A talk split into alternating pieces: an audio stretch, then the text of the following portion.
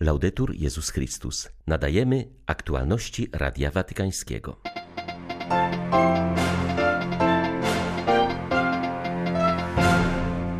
Drugi dzień trwa w Warszawie konferencja poświęcona ochronie nieletnich. To nie jest choroba jednostek, to choroba systemu, powiedział w porannym wystąpieniu ksiądz Tomasz Halik, czeski psycholog i religioznawca.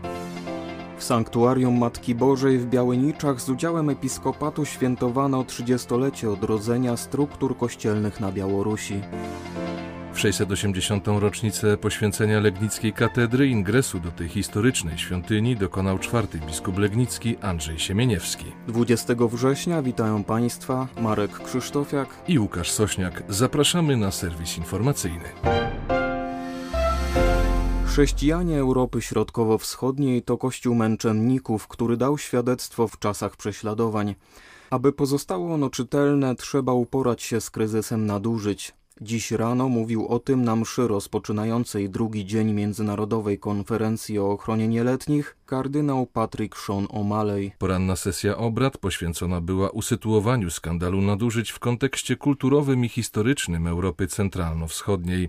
Kardynał O'Malley jest przewodniczącym papieskiej Komisji Ochrony Nieletnich, z inicjatywy której zorganizowano warszawskie spotkanie. W Polsce wstrząśniętej skandalami nadużyć, karami nałożonymi na kolejnych biskupów, kardynał O'Malley przypomniał, że i on znalazł się w samym środku burzy skandali, które w Stanach Zjednoczonych rozpoczęły się już niemal przed 30 laty. Po raz pierwszy zetknął się z tym, kiedy Jan Paweł II mianował go biskupem Fall River po tym, gdy jeden z księży skrzywdził kilkuset nieletnich. Jego pierwszym zadaniem było spotkanie z ofiarami i ich rodzinami. Muszę przyznać, że byłem wstrząśnięty, ale był to początek mojego duszpasterskiego nawrócenia, kiedy słuchałem i utożsamiałem się z tym, co mi opowiedzieli.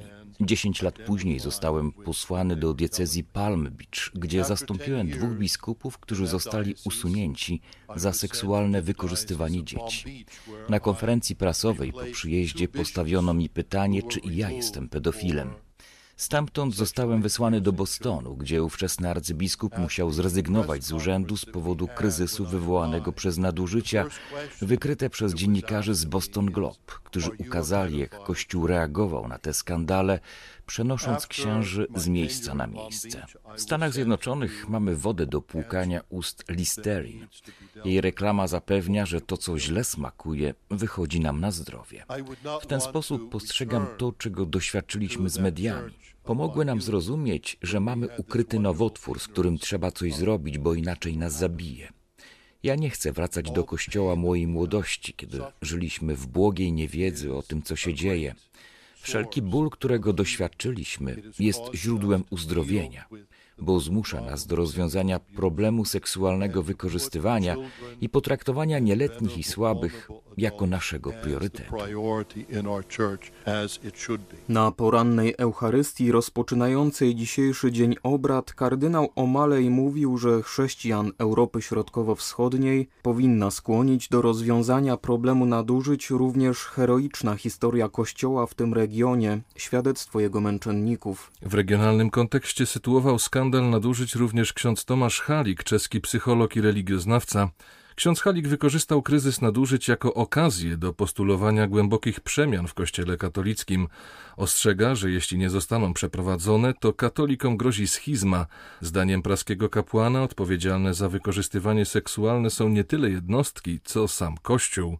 To nie jest choroba jednostek, to jest choroba systemu, powiedział ksiądz Halik.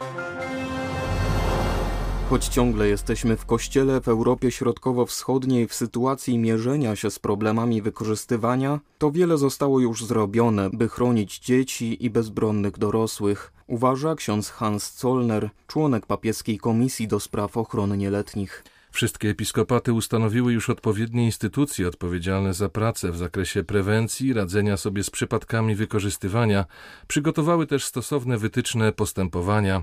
Wiele uniwersytetów katolickich ma już w programie studia z zakresu ochrony małoletnich. Konferencja ma za zadanie wskazać, co należy zrobić, by lepiej unikać wykorzystywania w kościele, mówi ksiądz Zollner. Oczekujemy, że każdego roku konferencja biskupów w każdym kraju opracuje. Tak krajowy raport, w którym zawarte będą informacje o tym, jak radzono sobie z przypadkami nadużyć, a także o liczbie oskarżeń i prowadzonych postępowań. To dzieje się już w niektórych częściach globu, ale nie jest jeszcze standardem w regionie Europy Środkowo-Wschodniej. Oczekujemy, że zostanie to bezzwłocznie wdrożone. Rzecz jasna, sytuacje krajów są różne. Istnieją miejsca, gdzie katolicy są dużą siłą społeczną, w innych są mniejszością, a to przekłada się na gorsze zasoby ludzkie czy mniejsze możliwości finansowe. Problemem, który wymaga przepracowania jest też seksualność objęta tabu. Mówienie o nadużyciach jest dla wielu bardzo trudne. Najważniejsze jednak, że są instytucje i ludzie, którzy pracują, by wdrażać odpowiednie środki i by zachodziła zmiana mentalności.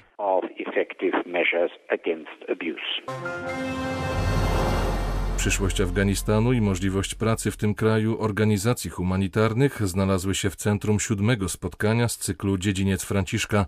Odbyło się ono w Asyżu, a wiodącym tematem była nadzieja. W spotkaniu uczestniczyła Chiara Cardoletti, przedstawicielka Wysokiego Komisarza do Spraw Uchodźców we Włoszech, San Marino i przy Stolicy Apostolskiej. W czasie debaty podkreśliła, że miesiąc po przejęciu władzy przez talibów pilnym wyzwaniem wciąż jest możliwość pozostania w Afganistanie przedstawicieli organizacji pomocowych, aby nie dopuścić do dalszego pogorszenia sytuacji humanitarnej w tym kraju. Musimy umieć prowadzić dialog z obecnymi władzami po to, byśmy mieli dalszą możliwość niesienia pomocy Afgańczykom, którzy znajdują się w katastrofalnej sytuacji, mówi Radiu Watykańskiemu Cardoletti.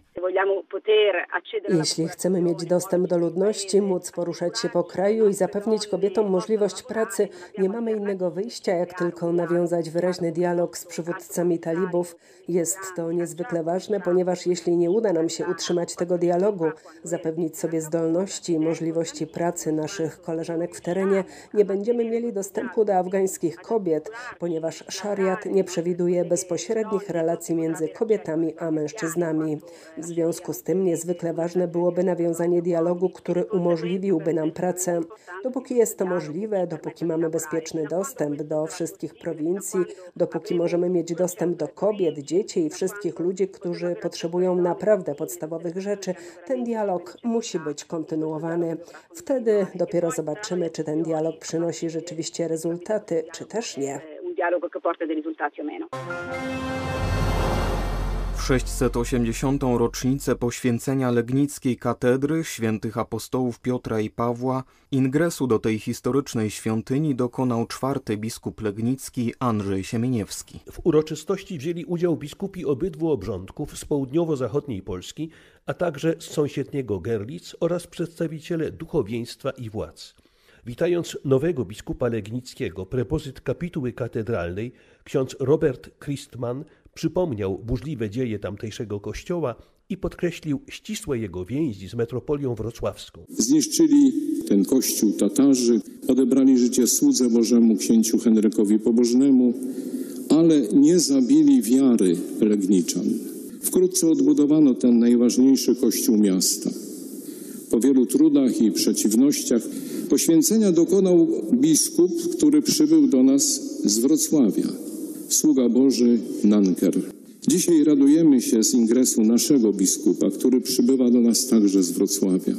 W swojej homilii nowy biskup Rygnicki zauważył, że jego ingres nieprzypadkowo poprzedza rozpoczęcie fazy diecezjalnej synodu biskupów, który będzie mówił o komunii, uczestnictwie i misji. Czujemy się więc jako Kościół wezwani do pogłębienia potrójnej tajemnicy komunii z Bogiem, przez Chrystusa w Duchu Świętym, uczestnictwa w katolickim bogactwie wraz z całą tradycją i magisterium Kościoła, wezwani do pogłębienia misji na dziś i na jutro. Nowy biskup Legnicki, nawiązując do słów wypowiedzianych w tej świątyni przed 25 laty przez świętego Jana Pawła II, zachęcił wiernych, aby byli świadkami miłości Boga do ludzi. Z Warszawy dla Radia Watykańskiego ojciec Stanisław Tasiemski, dominikanin. W Białyniczach odbyły się doroczne uroczystości odpustowe z udziałem episkopatu jako wyraz wdzięczności Bogu za trzydziestolecie odrodzenia struktur kościelnych na Białorusi.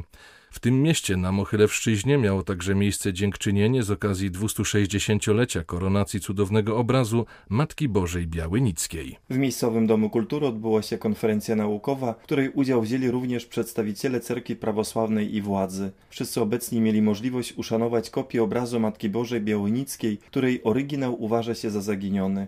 Kopię XVII wieku znaleziono w kaplicy cmentarnej w miejscowości Snów. Obraz został odrestaurowany i jest obecnie przechowywany w fundacjach Muzeum Starożytnej Kultury Narodowej Akademii Nauk Białorusi. Na zakończenie uroczystości nowo mianowany metropolita mińsko-mochelewski arcybiskup Józef Staniewski zawierzył Białoruś Matce Bożej Białynickiej. Akt poświęcenia został odczytany na zakończenie mszy świętej, która była sprawowana na dawnym cmentarzu katolickim w Białyniczach. Udział w Eucharystii wzięli biskupi katolicy Białorusi pod przewodnictwem przewodniczącego biskupa witebskiego Olega Budkiewicza, a także przedstawiciel papieża Franciszka na Białorusi, nuncjusz apostolski arcybiskup Ante Jozicz. Dla Radia Watykańskiego z Białorusi ksiądz Jerzy Martinowicz.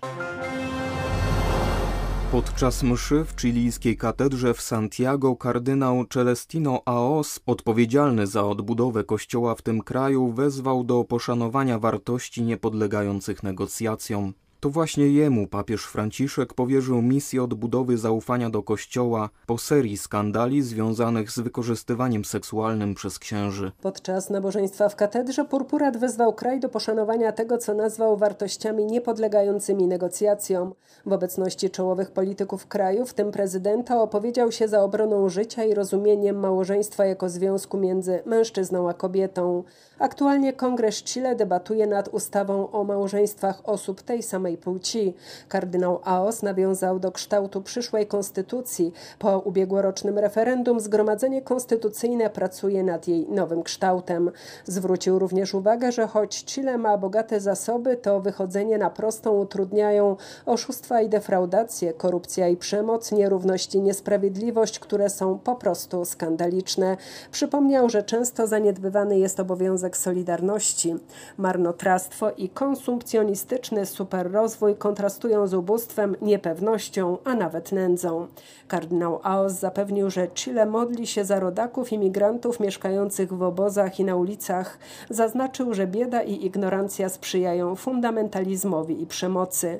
Drogą do pokoju nie jest broń i przemoc, ale sprawiedliwość. Prawdziwą religią jest adorowanie Boga i kochanie bliźniego. Słowaccy biskupi ogłosili zbiórkę charytatywną na rzecz osób potrzebujących i represjonowanych na Kubie. Odbędzie się ona we wszystkich kościołach w najbliższą niedzielę. W liście skierowanym do wiernych podkreślili, że akcja jest jednym z owoców ostatniej podróży apostolskiej papieża Franciszka, który apelował o pomoc dla najbiedniejszych i wykluczonych. Ze względu na rosnące ubóstwo na Kubie nasila się przestępczość, wzrasta liczba kradzieży, włamań i napadów. Kubańczycy protestują na ulicach, żądając swobód obywatelskich, skuteczniejszej walki z biedą, demokratycznych reform oraz dostępu do szczepionek. Jedna z największych demonstracji, która miała miejsce w lipcu, została krwawo stłumiona przez władze. Rząd zastosował wobec ludności liczne represje, w tym masowe aresztowania oraz pokazowe procesy sądowe, mające zastraszyć i zmusić Kubańczyków do milczenia. Tylko w lipcu komunistyczny reżim na Kubie skazał 272 więźniów politycznych oraz zatrzymał od 2 do 8 tysięcy osób. Były to aktualności Radia Watykańskiego. Laudetur Jezus Chrystus.